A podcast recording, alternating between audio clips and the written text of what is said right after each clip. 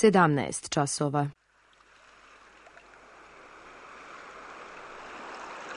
Radio Televizija Srbije. Radio Beograd 2.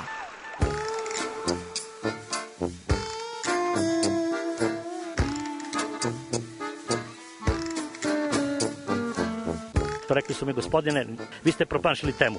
Pa ja sam onda promašio život. I ne znam šta će da bude sam. Kaže, ja ne mogu više te čuvam. Šta da ti radi, kaže, snađi se kako znaš. Mi smo kao u kafesu. Za nas to je najmrtvo. To je mrtvo za nas. Naročito. Ja bih želela neko da me usvoji. To bih želela. Govori da bih te video. Program dokumentarnog zvuka.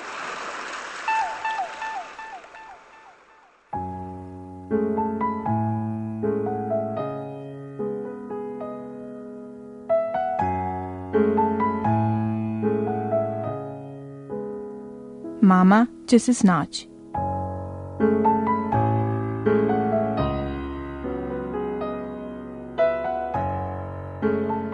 Ovih dana je već 25 godina otkako živim sama sa svoja dva sina.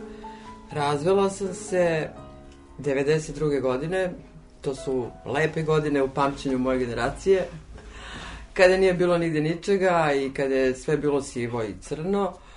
A, razvela sam se zato što je brak bio nefunkcionalan. Moj bivši muž nije bio ni kompatibilan partner meni, niti niti osvestio ulogu oca i ja sam imala utisak da imam tri deteta, a to mi je bilo previše i ovo dvoje mi je bilo ovaj, veliki zadatak i veliki strah. Eh, Da li ću ja to moći, da li ja imam kapacitet, eh, snage da, da podignem dva čoveka.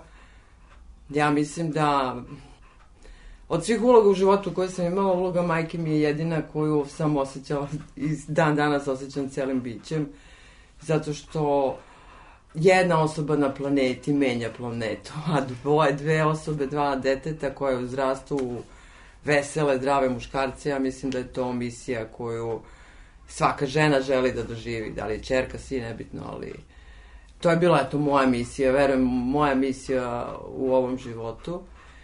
Ja radim u smenama, što podrazumeva dan, noć, praznike, Ove, kada vrtići ne rade, a u to doba babysitter servis je bio otprilike 10 mojih plata. Međutim, e, moj bivši muž je kaznio sebe, decu i mene time što je on nije, ova, nije hteo da, da čuva decu kad sam ga zamolila, ali je rekao, gospođo, tražila si, snađi se.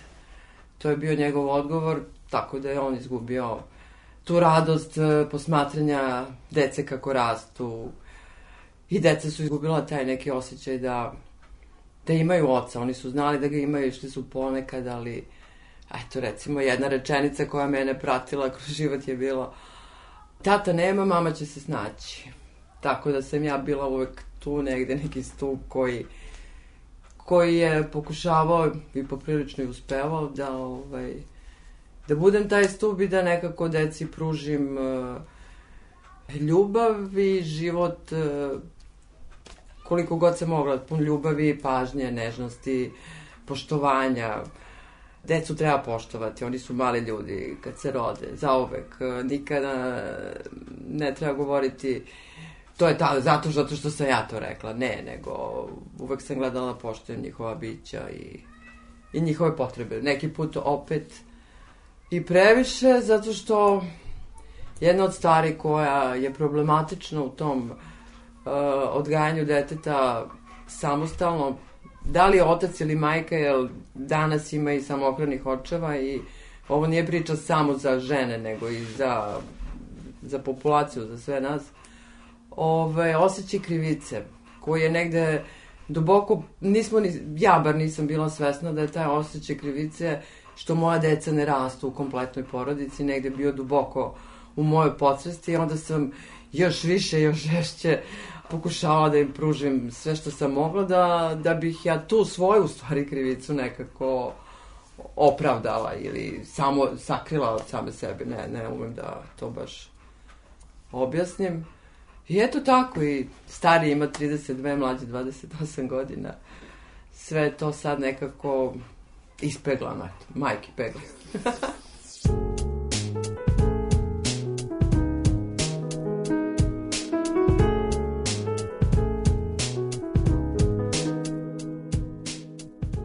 Meni uopšte kao nije sad to samohrano majčinstvo neka velika promena u životu, jer mislim da sam nekako bila samohrana majke dok smo živali u zajednici. S obzirom da je sva obaveza oko deteta bila moja.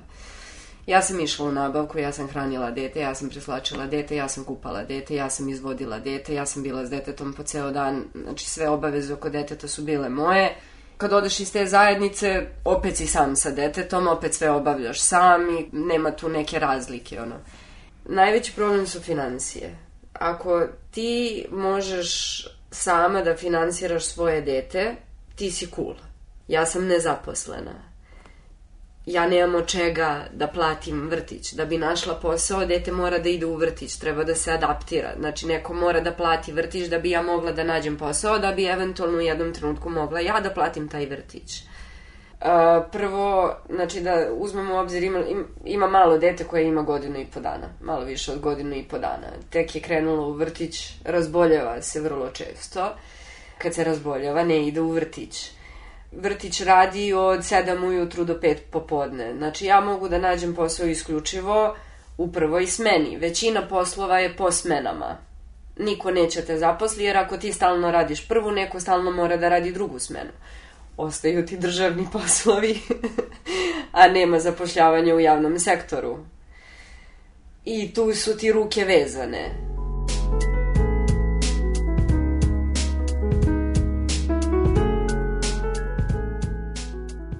Ja mislim da je sasvim svejedno u kom vremenu, na kojoj geografskoj širini i dužini na planeti živimo, koliko će država da pomogne, koliko društvo će da odmogne, koliko će ogovaranja i neprihvatanje, to uopšte nije tema. Nikome ko hoće da, da bude srećan. Tema je šta moje srce kaže i da li ja živim u braku zato što je to zona sigurnosti, opšte prihvaćeno od okoline ili je to zato što ili ću ja da idem svojim putem sledeći svoje srce. Mislim da nijedna majka ne treba da očekuje neku veliku pomoć od države, nego da se uzda u sebe. Eto, ta situacija sa tim mojim smenama je bila baš onako poprilično teška, ali te 90. kad je moja plata bila 5 maraka, ja danas ne znam kako sam ja prehranila decu, nemam pojma, Ove, se desilo to da je u Beogradu bilo puno izbeglica. Tako da sam ja reš, reš, rešila tu situaciju tako što su kod mene živele dve izbeglice iz Bosne. Obe su bile sa decom. I nikad ne treba da odustajem od svojih ideja zbog novca. Zato što i dalje postoji ta neka ta neka ne, neki sinhroniciteti se dese pa je nama u stvari mi smo jedne druge pomagale one su imale gde da žive a ja sam bila mirna kad odem noću na posao praznikom Ove, tako da uvek postoji neki način na koji mi verujemo u svoju misiju. Nešto će se dogoditi, neka vrata će se otvoriti. Nikad zbog novca ne treba da ostanemo u nekoj kaljugi. Gde nam srce se cepa, gde deca pate samo zato što je to opšte prihvaćena situacija sa tom veštačkom tvorevinom zvanom brak. Mislim, to je moje mišljenje.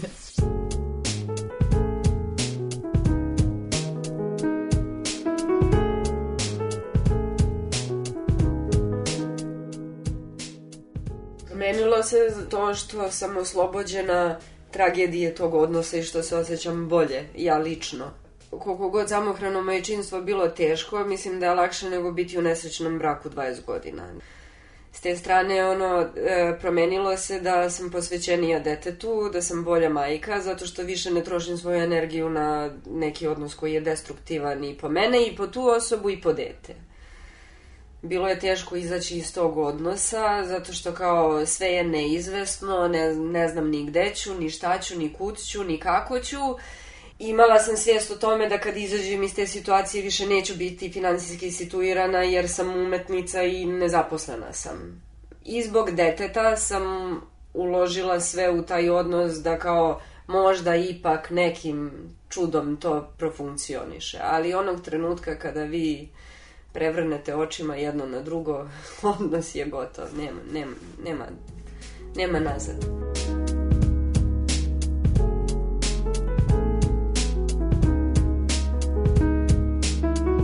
Za mene je, kao što sam rekla, moja misija bila ta misija majke.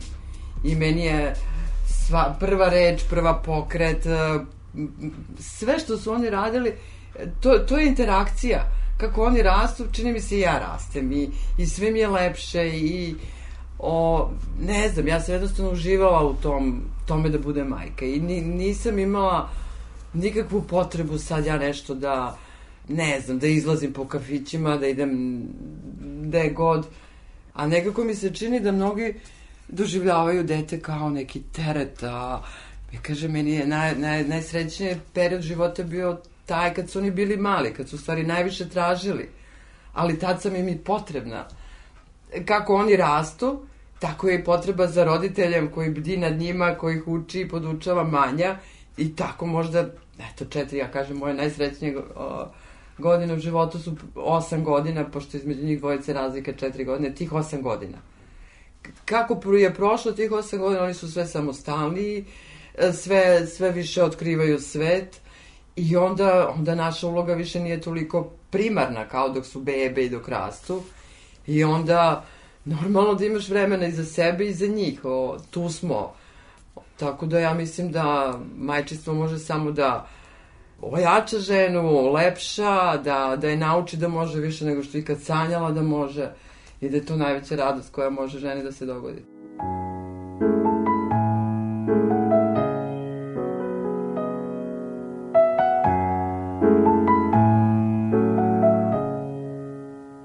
uvek kažu da treba ostati u dobrim odnosima posle razlaza zbog deteta.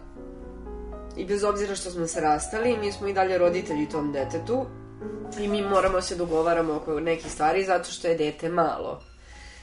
I to je onaj deo gde dolazi do najveće nepravde zato što, na primer, otac e, ne viđa dete, što je u mom slučaju ovaj, prisutno, ne drži se dogovora, a ja sam ne po zakonu, mislim da sam i po zakonu, ali prosto moralno sam obavezna da ga izveštavam o, o stvarima koje se tiču deteta. I onda tu ja sama ne znam više kako se postavim, zato što on s jedne strane ne pokazuje interes za dete u smislu ne viđa ga, a ja treba da mu javljam sad, e, dete je ovo i ono, treba da ga uputim, tu je i bitno da otac, bez obzira na to što se dešavalo u tom odnosu, kad se završi, da bude korektan prema majici, isto kao što je bitno da majka bude korektna prema ocu, jer u suprotnom, ako se oni međusobno ne poštuju,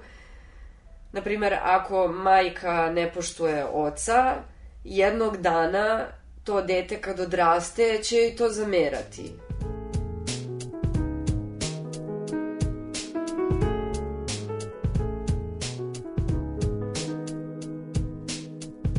Ja sam tu krivicu spoznala tek kad je prošlo vreme, kad sam onako vraćala film. Nisam tad ni znala da, da imam taj osjećaj krivice, nego sam kasnije tek shvatila da, da sam ja ovaj, to negde nosila i onda sam kao, nije kao, nego stvarno se žela svim srcem da njima bude bolje i bolje, da nekako kompenzujem taj nedostatak odrastanja pored muškarca.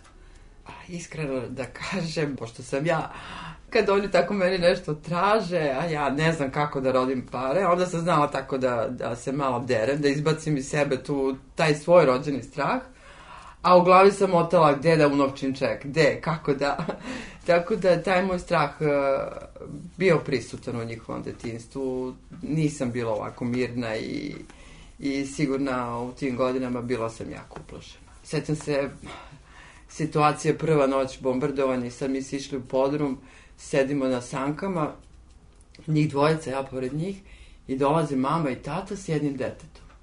I tada sam razmišljala, ja blago njima. Oni imaju jedno drugo, da, da tu snagu daju jedno drugom i jedno dete, a ja sama sa njima.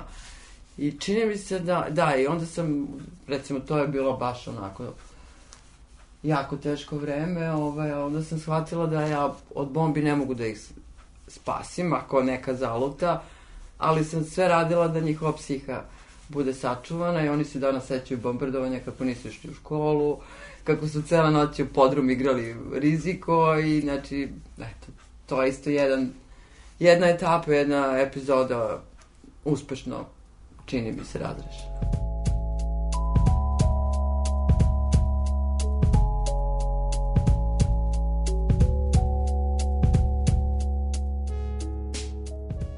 Trenutno imam samo kratkoročne planove. Ne mogu da zamislim kako će budućnost da izgleda i šta nosi. Trenutno samo razmišljam o tome da nađem posao i da financijski stanem na svoje noge, da se osamostalim, da moj sin i ja živimo sami, a ne sa mojom majkom. Mislim, baba je super, ali baba treba da bude baba i ona treba da ima svoj život, ja treba da imam svoj život i mislim da je zdravije da dete odrasta samo sa mnom nego u zajednici gde je tu još i njegova baba. Da, da nas dvoje budemo sami. Ne plaši me, ne plaši me nemanje dugoročnog plana, Zato što me ovaj kratkoročni dovoljno plaši da nema ni prostora za taj dugoročni, sad o njemu razmišljam. To verovatno bi počupala kosu s glave.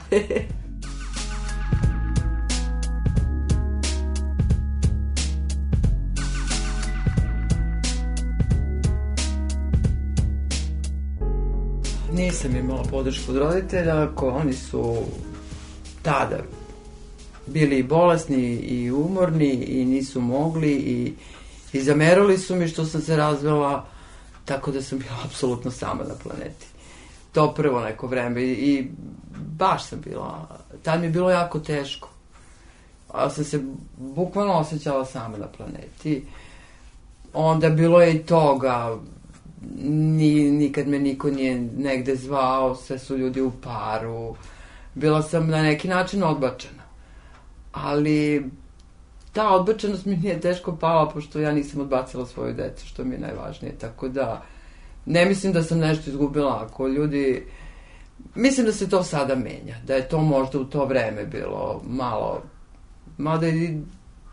Ali mislim da je sad više ljudi shvata da, da je bolje razvesti se pa tražiti kompatibilnog partnera nego zaovek živeti u nekoj priči koja, koja nije lepa i i korisna za sve.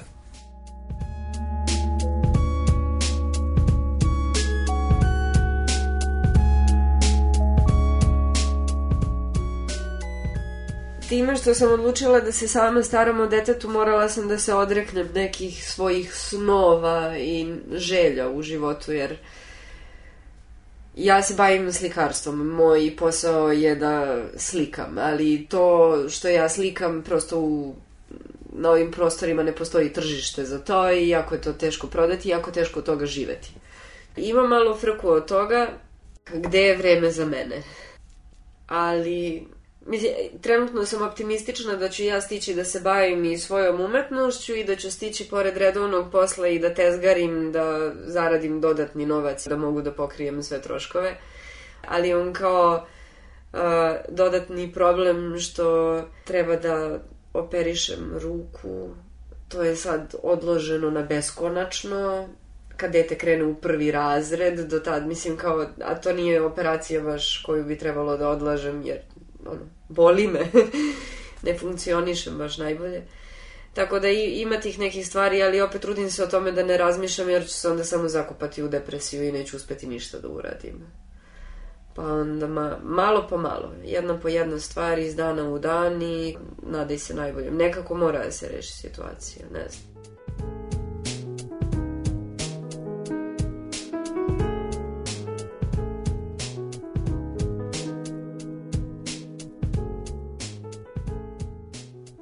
Novac olakšava, ali uz novac se ne, ne sazreva.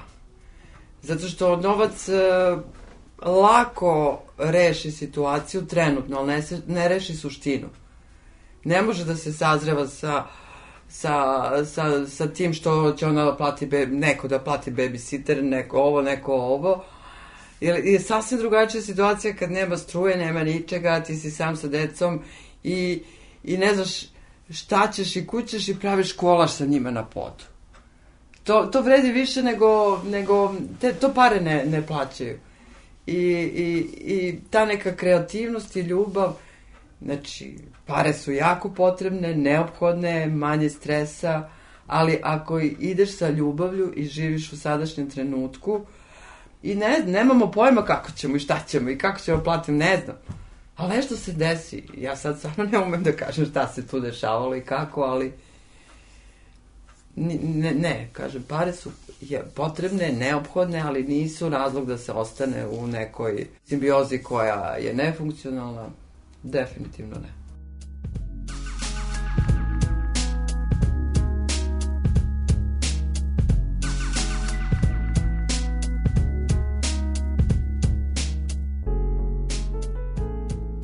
Nisam naišla e, na neku diskriminaciju ili na neke ono popreke poglede. Ni, nisam osetila ništa nikakav negativni feedback zbog odluke koju sam donela. Apsolutno nula za sada. A tek je prošlo tri meseca, polako. Mislim da, da će biti problem kod budućih veza, pogotovo u mom slučaju, zato što sam i dalje mlada. I dalje partneri sa kojima mogu da se zabavljam su nekim godinama gde većina njih nema decu i kao baš su sad u tom nekom periodu kad razmišljaju da bi možda imali decu i traže potencijalne partnerke za to. A ja već imam jedno dete. Upadnoš super osobu, sve super krene i onda kao, ali ja imam dete. Prvo ne znam ni kako bi reagovali na to što ja imam dete. Kao ti treba sad da prihvatiš tuđe dete. Ne, ne znam kako se muškarci odnose prema tome danas. Ali kad sam sa kolicima i sa detetom, da, onda me drugačije gledaju. Bez obzira što kao ja ne sumnjam u svoju seksualnost i što moje samopouzdanje nije opalo, ove, drugačije te gledaju, ali mislim da to ide zbog pretpostavke da ako guraš kolica i imaš dete, da si u, ono, u ozbiljnoj vezi, u braku, šta god i da si zauzeta prosto i onda ni, ni ne percepiraju te na taj način.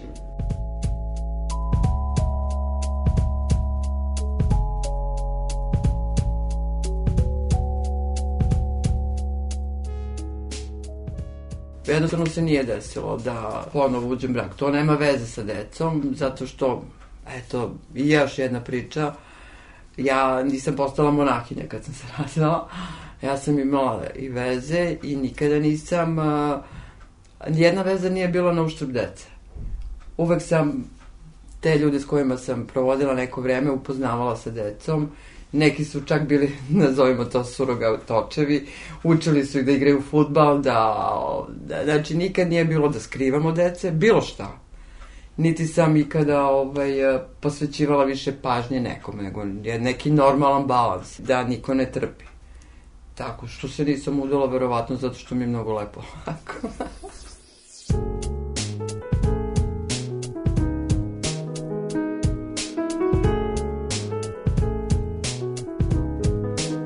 Kao samohrana majka imaš pravo da upišeš dete u državni vrtić preko reda ono, u bilo koje doba van konkursa i svega. Da dobiješ status samohrane majke treba otac da se odrekne starateljstva ako postoji. Ako je prizno dete i ako je živ on mora se odrekne starateljstva a većina to neće hteti da uradi zato što ne znam želi da, da, da prkosi ženi da ne znam. I kad se odrekne starateljstva, opet, pošto sam pročitala taj ugovor, i dalje stoje ono kao dogovori kao kad otac viđa dete, od kad do kad, kojim danima, kao i dalje nije mu uskraćeno pravo viđanja deteta, samo kao starateljstvo ono, pripada majici.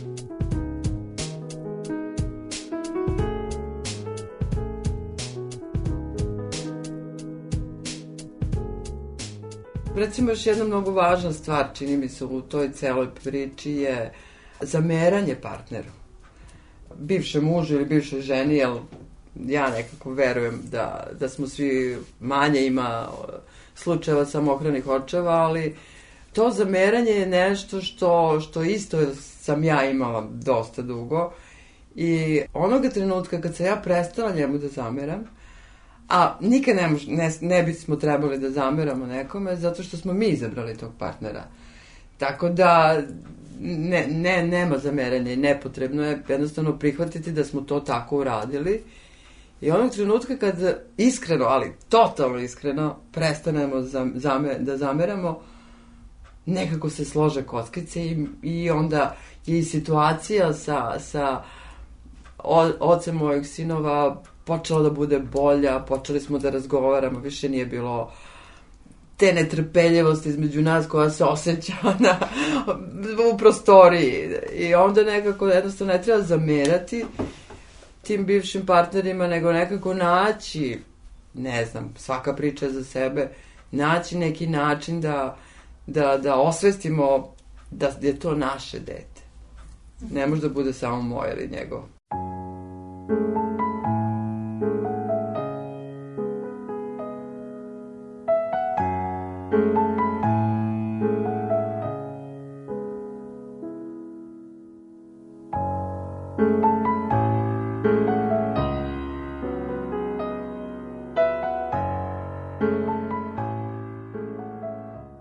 Promenilo se mesto gde živim, sad sam kod majke, tako da nisam skroz, skroz sama, a s druge strane ja i dalje gajim nadu da će otac deteta da se vrati u njegov život i da ga viđa redovno.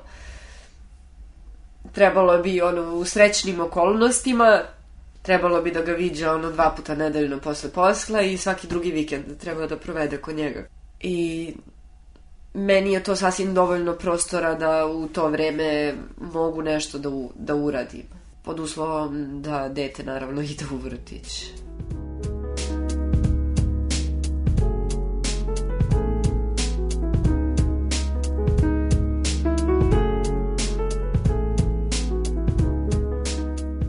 Sam svog bivšeg muža upoznala, i mi smo bili na moru i ovaj i gledali smo nebo i on je meni objašnjavao koliko uh, svetlosni godine ima između koje planete i ja sam razmišljala, ja, me ovaj smara.